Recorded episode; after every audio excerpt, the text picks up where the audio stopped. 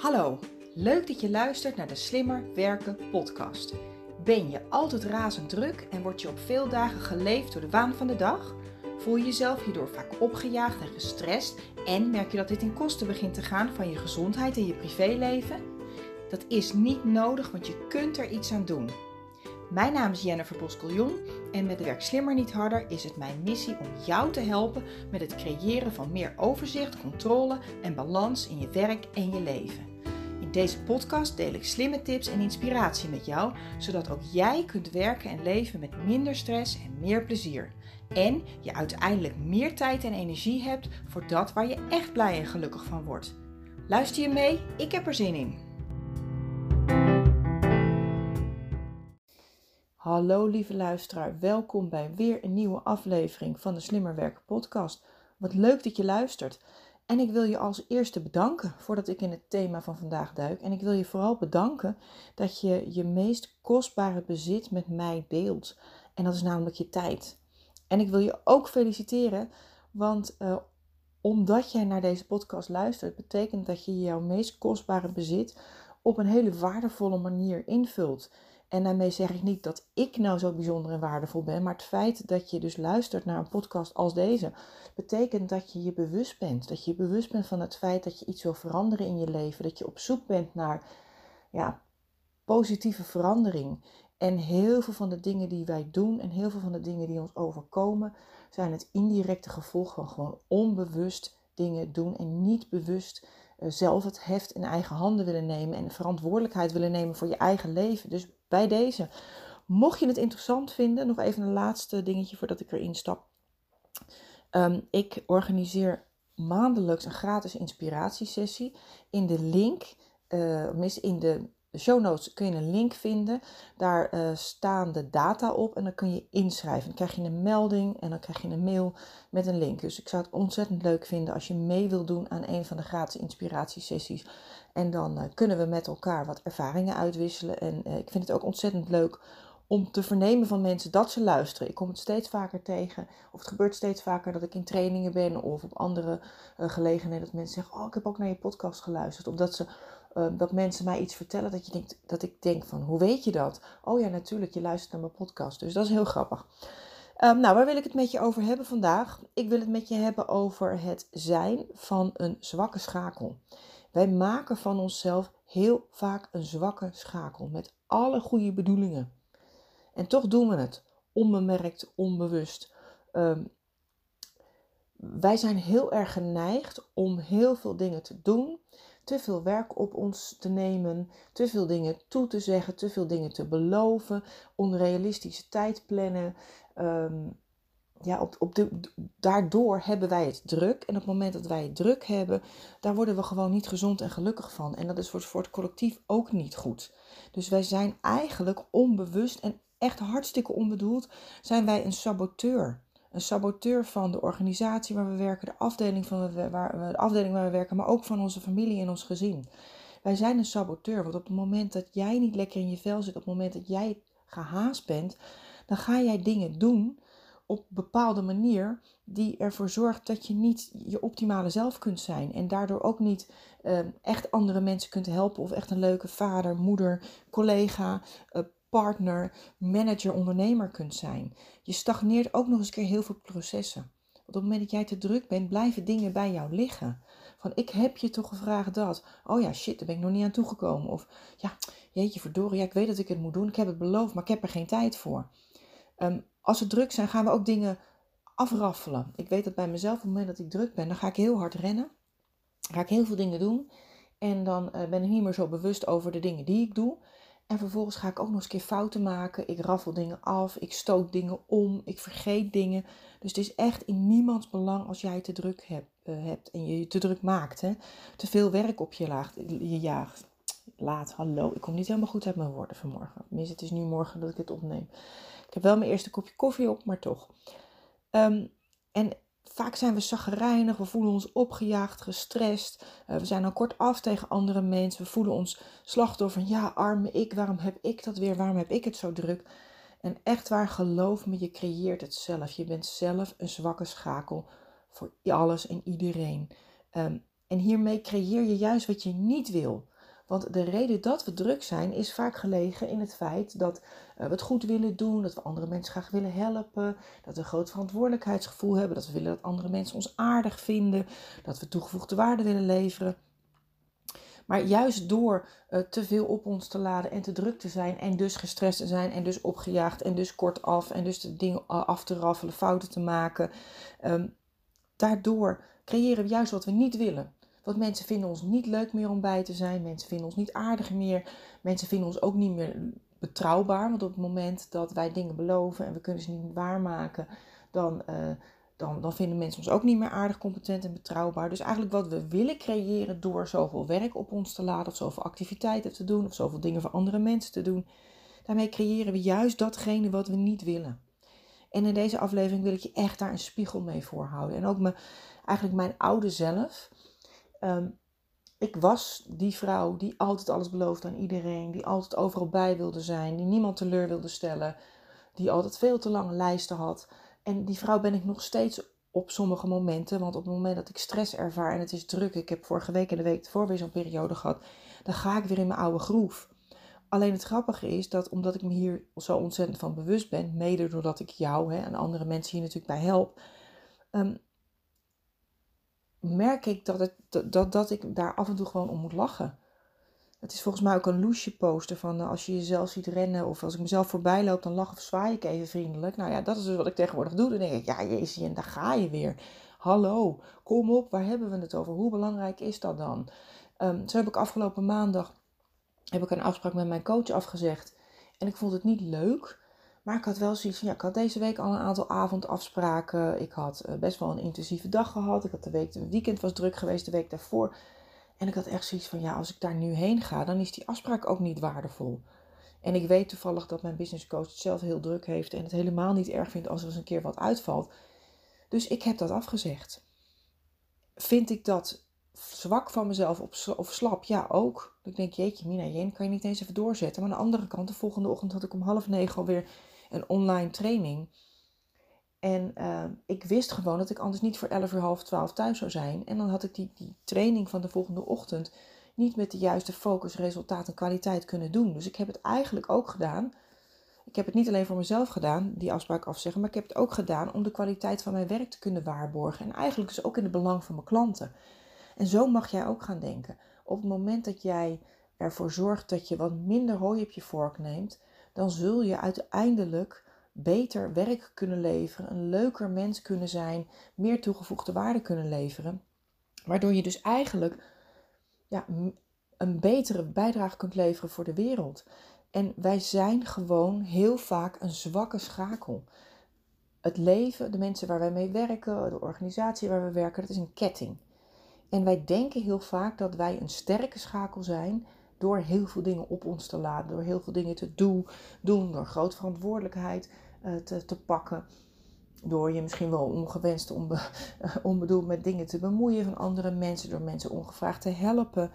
Um, maar uiteindelijk maken we van onszelf een zwakke schakel. Want op het moment dat jij jouw tijd, dat je, jouw agenda te vol zit en je hebt niet genoeg tijd om te doen wat je eigenlijk zou willen of moeten doen. Of je kunt de kwaliteit niet meer waarborgen. Of wat ik net aangaf, je wordt zagrijnig, gestrest. Um, en uiteindelijk durf ik zelfs te zeggen dat wij ziek worden. Veel mensen zijn ziek als gevolg, als indirect of direct gevolg van stress. En hoe creëren wij stress? Mede door de, de, hoge werkdruk die wij op ons pakken. Of, of de druk die wij in ons vrije tijd op ons nemen door zoveel vrije tijd. Of zo, zoveel vrijwilligerswerk te doen. Of uh, zoveel verjaardagen en feestjes af te lopen terwijl we er eigenlijk geen zin in hebben.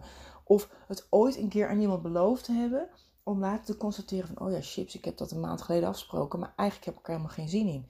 En dan gaan we toch. Maar dan gaan we dus met de pest in ons lijf, dan gaan we knarsetanden erheen. En dan zijn we daar ook niet ons optimale zelf, om vervolgens thuis tegen onze partner en onze geliefde zagrijnig te zijn, want we hebben het zo druk. Nou, op welke manieren saboteren wij onszelf? Op welke manieren maken wij van onszelf, dus saboteren wij eigenlijk de organisatie of de, de ketting, hè, de, het collectief waarin wij acteren en handelen, dus de organisatie of onze familie of de afdeling waar je werkt. Op welke manieren doen we dat? Nou, ik kan er een aantal noemen, ik ga ze ook met je bespreken. Onder andere het niet delegeren, geen hulp vragen, dingen beloven die we niet waar kunnen maken, niet eerlijk zijn, ja zeggen maar uiteindelijk nee doen. Hè? En ook niet goed voor onszelf zorgen. Dat zijn eigenlijk de vijf die ik in deze aflevering met je in het kader van dit thema wil bespreken. Nou, dat niet delegeren, daar heb ik ook een hele aparte aflevering aan Volgens mij heet die Delegeren kun je leren. Hij, is een, hij zit in een van de eerste 10 of 15 uh, eh, afleveringen. Luister die ook nog eens terug. Daar, daar krijg je ook heel veel praktische tips. Maar er is ja, een reden waarom wij het lastig vinden om te delegeren. Ehm, want het voelt heel vaak als of als falen, of we hebben het gevoel dat we andere mensen lastig vallen. We denken dan van ja, maar andere mensen hebben het ook al druk en Ehm, op het moment dat ik het aan die ander vraag, dan denken ze vast dat ik het niet kan. Ehm, of dat we het uh, niet willen, dat we lui zijn. Maar het is echt niet verstandig om niet te delegeren als het nodig is. Heel vaak denken we dat wij de enige zijn die iets kunnen. Heel vaak denken we dat wij de enige zijn die iets goed kunnen. Uh, maar heel vaak zit daar ook iets onder. Ten eerste ongeduld. Hè? Ik weet de reden waarom ik niet delegeer. Omdat ik denk, ja jeetje, kan het zelf sneller op mijn moment en op mijn manier. Omdat ik zelf de controle uh, wil houden. Uh, maar ook inderdaad omdat ik het soms vervelend vind om andere mensen ermee lastig te vallen. Maar het grappige is dat als jij delegeert aan de juiste persoon, dan is dat beter voor het collectief. Ten eerste, een ander persoon vindt een bepaalde taak of activiteit die jij niet leuk vindt, misschien wel leuk. of hij of zij vindt het, wil het heel graag leren, kan het nog niet goed, maar wil het heel graag leren. Dus dan wordt de ketting daar ook weer sterker van. En tegelijkertijd, de tijd die jij daarmee vrijspeelt, omdat je iets niet doet waar je eigenlijk geen zin in hebt, of wat je lastig vindt, of wat je moeilijk vindt of niet leuk vindt. De tijd die je daarmee vrij speelt, kun jij gebruiken om iets te doen waar jouw toegevoegde waarde wel groot is voor de organisatie of voor het collectief. Maar je kunt ook die tijd misschien wel gebruiken om te ontspannen.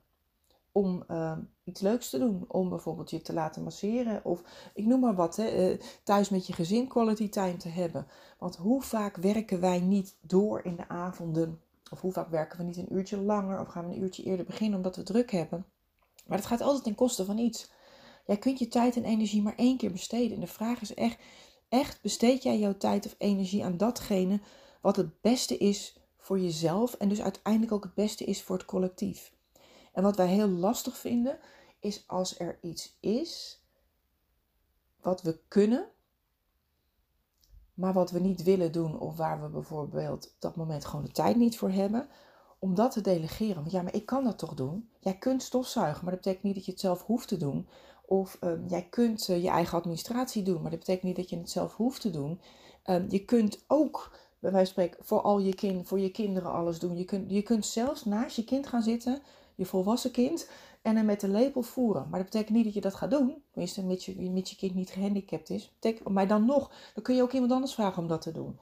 Wij denken heel vaak dat iets wat voor ons even makkelijk is, wat we oh ja, dat is toch even makkelijk voor me. Maar heel veel kleine klusjes die even makkelijk zijn, zijn ook een dag vol. En uiteindelijk is het collectief er niet bij gebaat. Het collectief is er, en jijzelf, hè, en het collectief uiteindelijk is er meer bij gebaat als jij doet wat je leuk vindt, waar je goed in bent. Um, wat misschien wel het belangrijkste is voor de organisatie op dat moment. En als jij zelf al die kleine administratieve taakjes blijft doen, of als jij zelf bijvoorbeeld, uh, in mijn geval um, zit ik er bijvoorbeeld tegen aan te hikken, dat als ik een training geef, dan heb ik daarvoor contact met mijn klanten. Dan heb ik daarvoor niet alleen contact met mijn opdrachtgever, maar ik heb ook daarvoor contact met de mensen die in de training zitten. Die krijgen dan een, mail van mij met een aantal voorbereidende vragen. Ze krijgen daarna een mail van mij met de presentatie en met allerlei handouts. Ze krijgen nog een reminder mail een paar weken later. Dat zijn typisch van die dingen die ik zelf doe. Maar waarvan ik weet dat op het moment dat de tijd dat ik structureel te druk heb, dat is nu nog niet het geval, dat ik dat ga uitbesteden aan iemand, aan een virtual assistant of een, uh, misschien wel desnoods een van mijn dochters. Want in principe die mails die zijn vrij standaard, er hoeven alleen maar een paar parameters ingevuld te worden. En als ik bijvoorbeeld van tevoren zeg van joh, wil jij die mail sturen aan die groep met deze en deze bijlagen erbij? En dan kost het me een minuut en anders kost het me tien minuten kwartier. Dus uiteindelijk, uh, het feit dat jij iets zelf kunt doen, betekent niet ook dat, je het, dat het voor het collectief het beste is dat je het zelf doet. En helemaal als je bedenkt dat andere mensen iets misschien wel leuker vinden om te doen, of misschien wel beter kunnen, of misschien wel uh, ja, misschien doe je wel broodroof. op het moment dat iemand iets ontzettend leuk vindt om te doen, of een bepaalde expert. Als je elke keer je eigen website gaat bouwen en aanpassen, terwijl je daar echt een bloedhekel aan hebt. Dan denk je, ja, ik vind het helemaal niet leuk om te doen. Ja, maar het kost me geld. Maar kijk maar wat jij kunt doen, bij als je onder, eigen ondernemer bent, wat jij kunt doen in die tijd. Dus uiteindelijk, het, het geld kosten is altijd relatief. Want op het moment dat ik mijn eigen website ga bouwen, die tijd kan ik beter besteden aan acquisitie of die tijd kan ik beter besteden aan daadwerkelijk helpen van mijn klanten. Dus, nou ja, dat is de vraag die ik jou eigenlijk, die spiegel die ik je wil voorhouden. Kijk even kritisch, wat kan en mag je delegeren aan wie? Dus zijn er klussen die je niet zo leuk vindt en op welke manier ben jij dan uh, eigenlijk de boel aan het saboteren?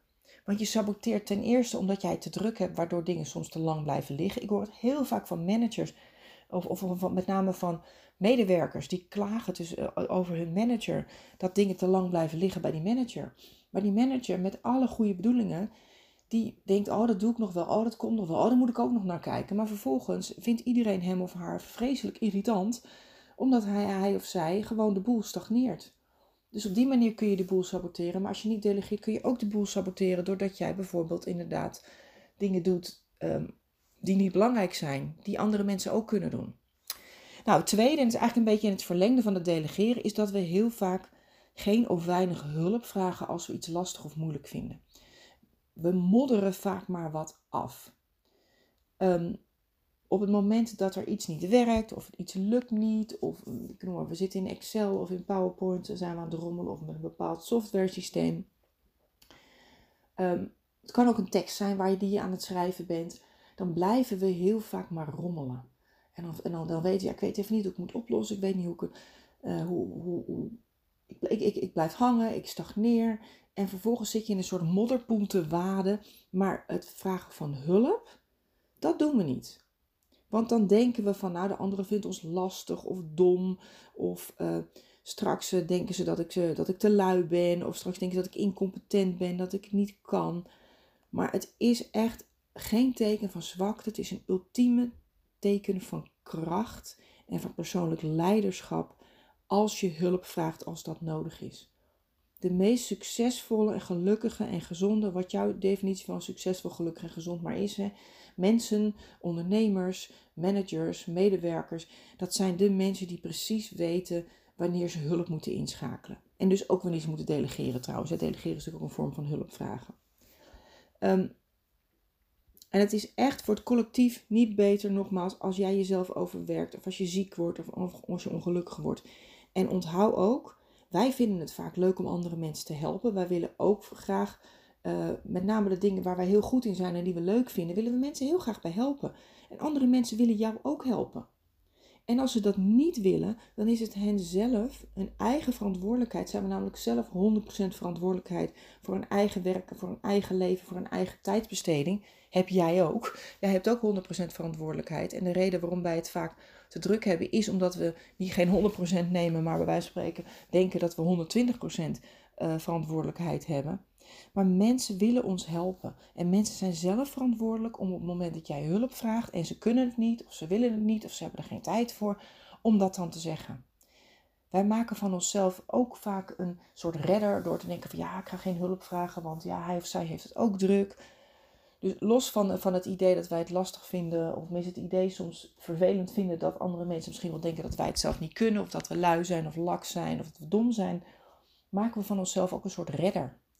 We maken van onszelf een redder door te beslissen dat iemand anders dat uh, niet voor zichzelf kan opkomen, zelf geen nee kan zeggen. En misschien um, vinden mensen het wel leuk, wat ik net ook aangaf bij het delegeren. Veel mensen vinden het ook leuk om andere mensen te helpen. Wij, wij, willen allemaal ertoe doen. Wij willen allemaal een bijdrage leveren. En op het moment dat uh, wij een bijdrage kunnen leveren door het werk wat we doen of door iemand te helpen, het maakt niet uit wat, uh, heel veel mensen vinden het hartstikke fijn om iemand anders te helpen. En ze hebben altijd een keuze of ze het wel of niet doen. En bedenk ook wat gaat het je opleveren. Dus de tijd die jij vrij speelt door te delegeren of hulp te vragen, wat gaat het je opleveren? Uh, waar kun je wel tijd aan uh, besteden? Hoeveel plezier gaat het je opleveren? Hoeveel vrijheid gaat het je opleveren? Hoeveel ontspanning gaat het je opleveren? Um, en bedenk ook dat andere mensen vaak datgene waar jij tegenaan loopt al lang hebben opgelost. Er zijn mensen die zijn geweldig in Excel of in Outlook of in PowerPoint of in een bepaalde andere software waar jij, waar jij mee werkt. Um, die, die kunnen bij wijze van spreken met één druk op de knop of, of één instructie van één minuut kunnen ze jou ontzettend goed op weg helpen. Dus vraag hulp, want je maakt van jezelf echt een zwakke schakel als je dat niet doet. Het derde is dat we heel vaak dingen beloven die we niet kunnen waarmaken. Waar ik net ook aangaf, zo'n manager bijvoorbeeld die dan zegt tegen zijn medewerker: Ja, ik kijk er van de week even naar. Of stuur maar naar mij, dan kijk ik er naar. Of uh, laat mij maar even, uh, ik, ik, lees het wel even. Of uh, nou, weet je wat, zullen we van de week in een bila er even over hebben. En vervolgens is het, is het de dag zelf. En dan zegt die manager, ja, ik heb toch geen tijd. Ik zit toch in een managementteamvergadering. Of ik heb toch een deadline. Kan het niet volgende week. Heel vaak beloven we dingen aan anderen die we niet kunnen waarmaken. En dat doen we omdat we op korte termijn geen uh, mensen niet teleur willen stellen. Omdat we op korte termijn ook weer niet het gevoel willen hebben dat we anderen. Uh, ja, dat we ja, willen op korte termijn eigenlijk dat oncomfortabele gevoel kwijt. Van het nee moeten zeggen of het andere teleurstellen, conflicten aangaan. Um, of bang zijn dat er een conflict komt. Heel vaak komt het niet eens. Ik hoor heel vaak van mijn klanten van ja, weet je, ik, ik, ben op een gegeven moment maar even bedenktijd gaan vragen. Dat ik, dat ik zei van ja, weet je wat, eh, kom er later bij je op terug. En het gekke is, mensen vinden dat altijd prima. Dat is echt zo. Mensen vinden het prima. Mensen willen vooral weten waar ze aan toe zijn. Je kunt beter zeggen ja, maar niet nu. Of nee, hè, wij spreken maar iemand anders kan je misschien wel helpen. Of ik kan het niet doen, maar kijk eens even op die website, daar kan je het vinden. Dan voelen mensen zich ook gezien en gehoord. Um, maar het is natuurlijk ontzettend lastig, want dat kunnen wij met ons, wat, ik je natuurlijk nu allemaal vertel, gaat allemaal over het bewuste brein. Alleen wij worden voor 90, 95 onbewust gestuurd door ons onbewuste brein. Ik ben daar nu een boek eh, over aan het, eh, aan het lezen. En uh, dat gaat over de onbewuste trauma's die wij in ons, in ons leven hebben opgelopen. En dat voor ons zevende levensjaar zijn wij gewoon in een soort staat, ongefilterde staat. Dus alles wat wij zien en horen, dat nemen wij voor waar aan. Um, op basis van wat in onze eerste 6, 7 levensjaar gebeurt, op basis daarvan gaan wij onze overtuigingen insluiten. En heel veel van die dingen zijn onbewust. In het boek wordt bijvoorbeeld een voorbeeld genoemd van een, uh, een mevrouw en haar zus kreeg een ijsje, maar zij niet. Was ze vijf jaar. Wat zei haar moeder? Je zus heeft net haar bordje goed leeggegeten. Jij hebt je bordje niet goed leeggegeten. Dus uh, jij krijgt geen ijsje. Dat heeft zich in haar hele leven vertaald, onbewust hè, van uh, ik ben niet goed genoeg. Mijn moeder houdt meer van mijn zus dan van mij. Terwijl dat natuurlijk objectief gezien helemaal niet de bedoeling was. Sterker nog, die moeder bedoelde het juist misschien wel vanuit liefde om haar iets te willen leren. En zo hebben wij allemaal van die kleine dingen meegemaakt in ons in onze vroegste jeugd, die wij nu onbewust met ons meenemen. Waarvan wij onbewust allerlei belemmerende overtuigingen hebben. Van zie, ik mag geen hulp vragen. Ik ben niet goed genoeg. Ehm, of ik moet zelf de controle houden. Of ik ben slap of zwak als ik niet alles zelf kan. Uh, maar ook het, het dingen beloven aan mensen op de korte termijn omdat we ze niet willen teleurstellen. Dat is echt iets wat we waarschijnlijk, wat jij en ik waarschijnlijk, want ik doe het ook, in, onze, uh, in, ons, in onze vroegste jeugd hebben meegemaakt. En vaak zijn dat niet eens bewuste herinneringen. Dat zijn allemaal tientallen, on, honderden onbewuste jeugdtraumaatjes die we hebben opgelopen. En dat gaat ons bewuste brein voorbij. Is ook logisch, want op het moment dat jouw, uh, ik noem maar wat, dit, dit, dit, gaat echt naar ons vechten, vlucht, ons emotionele brein, ons uh, zoogdierenbrein, dat gaat ons bewuste brein voorbij. En dat is ook logisch, want op het moment dat jij en ik in de auto zitten en voor mij uh, remt iemand, dan kan ik wel mijn bewuste brein denken: Oh, het lijkt erop dat iemand remt. Oh, nou, zal ik ook eens een keer gaan remmen? Nee, natuurlijk niet. Gewoon dat, dat, moet, dat moet letterlijk je bewuste brein voorbij gaan. Want je moet in een milliseconde kunnen reageren. Maar op het moment dat iemand aan je bureau staat van heb je even tijd? Of kun je bij die vergadering zijn? Of kun je me even helpen? Dan, dan, dan reageren we heel vaak niet vanuit ons bewuste brein. Wij reageren bijna altijd vanuit ons onbewuste brein. Um, dus wij hebben vaak al gereageerd voordat we bewust gedacht hebben. En daar kun je wat aan doen. Hè?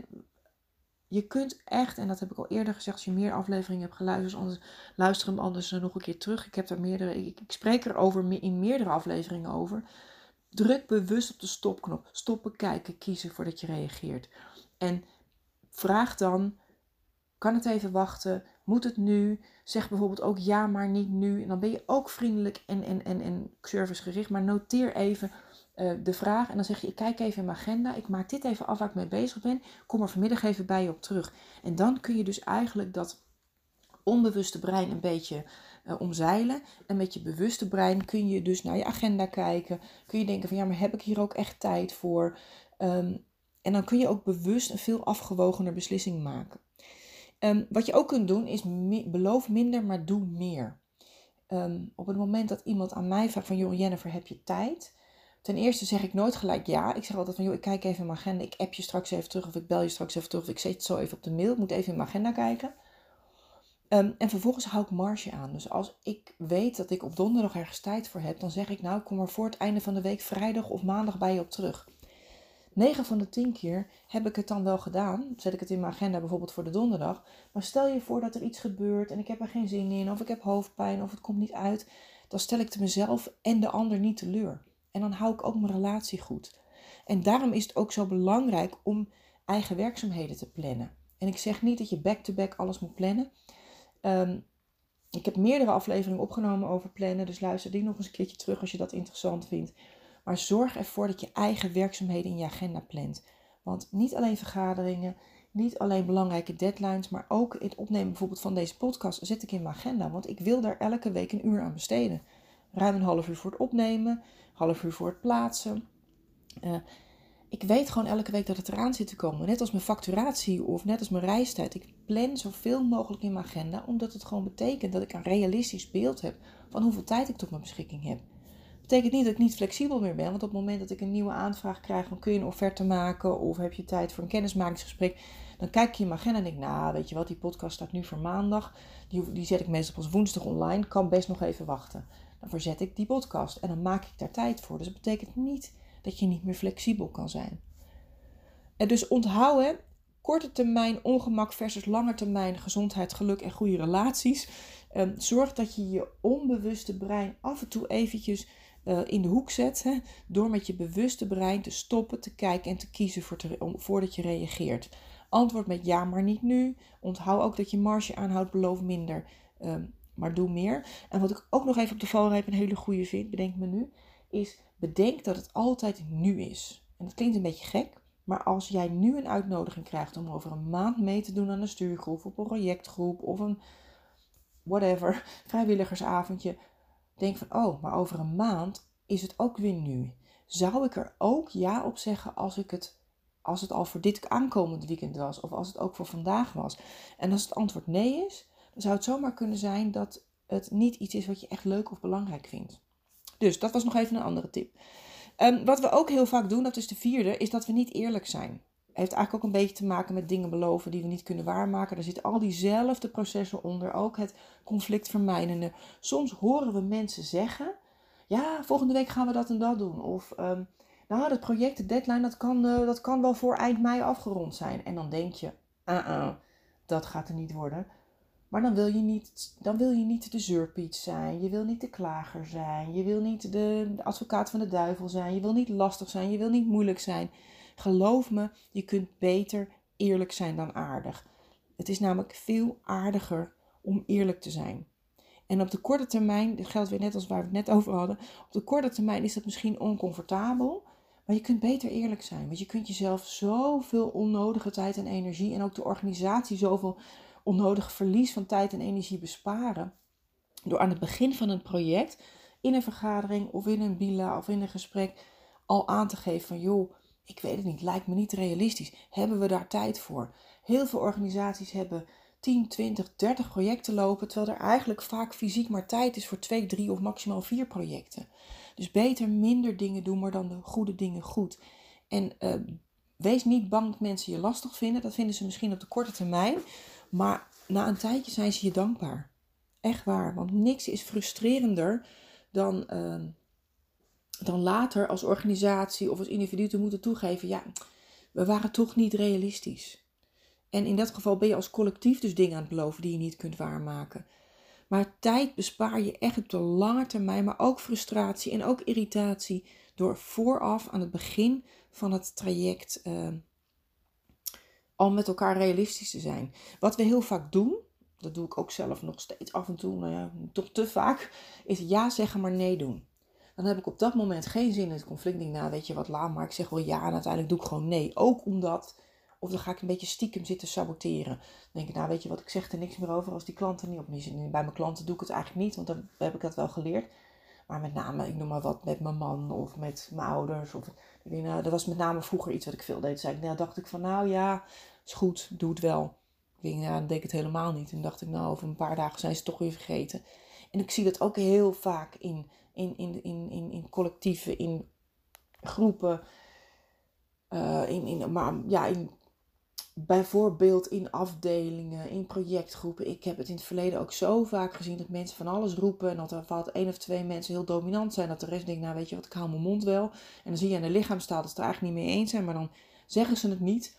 Uh, en dan vervolgens uh, ja, doet iedereen zich stil committeren aan iets waar ze zich eigenlijk helemaal niet aan committeren. Waar ze eigenlijk dan stil verzet tegen plegen. Dus echt, je bent een saboteur. Je maakt van jezelf een zwakke schakel op het moment dat je niet je uitspreekt. Op het moment dat je ergens twijfel over hebt. En dat kan op een hele vriendelijke manier. Hè? Je kunt heel eerlijk zijn, uh, maar tegelijk ook aardig. Nou, de allerlaatste die ik je wil meegeven is dat we heel vaak de boel saboteren. Dat we van onszelf een zwakke schakel maken in ons gezin, in de organisatie waar we werken, door niet goed voor onszelf te zorgen. Punt. Niet goed voor jezelf zorgen. Geen pauze nemen, niet gezond eten. Dan heb ik het echt niet over macrobiotisch, rechtsgedraaid, uh, draait, glutenvrij, whatever. Maar gewoon een fruitje, niet te veel alcohol. Um, maar ook plezier te hebben in de dingen die je doet. En wij doen heel vaak dingen omdat we denken dat het moet. Hè. Daarom delegeren we ze niet. We vragen geen hulp. Um, en vervolgens doen we heel veel dingen die we niet leuk vinden. Maar tijd is echt het meest kostbare bezit wat je hebt. En het is zo, zo super zonde als jij hem besteedt aan dingen die je niet leuk vindt, activiteiten die je niet leuk vindt, mensen die je niet leuk vindt. Um, zorg gewoon dat je vooral, niet alleen maar, maar in een grote lijn vooral de dingen doet die je leuk vindt. Dus ook de leuke klussen op het werk. Vaak gunnen we onszelf die leuke klussen niet. Omdat we denken, ja, maar ik moet eerst dit doen. Ik moet eerst die administratie. Of ik moet dit. Tuurlijk, hè, het is logisch, want wij doen ook heel vaak dingen uitstellen door de leuke dingen eerst te doen. Dus dat staat misschien een beetje contra de tip die ik altijd geef. Doe leuke dingen eerst als in L-U-E-K, lastige en uitstelklussen eerst. Want het kost ook ontzettend veel negatieve energie als we die dingen waar we tegenop kijken voor ons uitschuiven. Maar tegelijkertijd vergeet niet om, ondanks hè, dat het wel fijn is om de dingen te doen, gedaan te hebben waar je tegenop ziet, ook jezelf leuke dingen te gunnen. Dus um, op, ook, ook al ben je druk, kijk of je toch lid kan worden van de activiteitencommissie. Of ook al ben je druk, kijk of je toch die online training kan gaan volgen.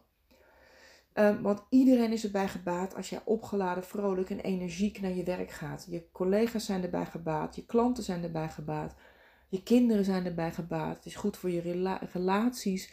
En alles waar we het, het afgelopen half uur over hebben gehad, draagt, kan daaraan bijdragen. Dus door realistisch te plannen, door eerlijk te zijn naar jezelf en naar anderen, door hulp te vragen als nodig is, door te delegeren, door niet te veel dingen te beloven die je niet waar kunt maken.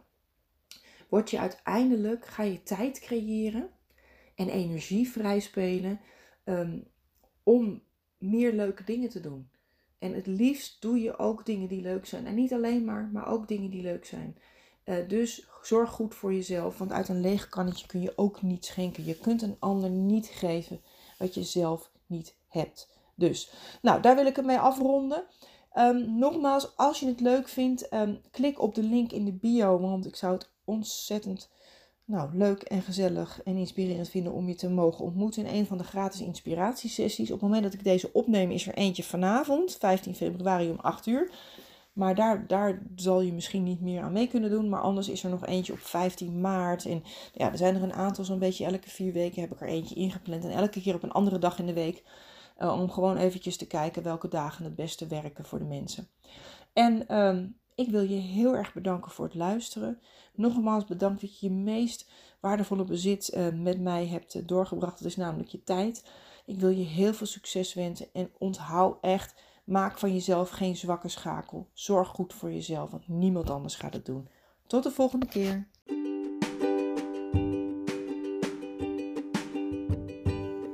Bedankt dat je hebt geluisterd naar de Slimmer Werken podcast. Ik vertrouw erop dat je ook deze keer weer nieuwe ideeën en inspiratie hebt opgedaan. Met Werk Slimmer Niet Harder wil ik zoveel mogelijk mensen inspireren om slimmer te werken met betere resultaten en meer plezier. Ik nodig je dan ook uit om deze podcast te delen met iedereen die je dit ook gunt.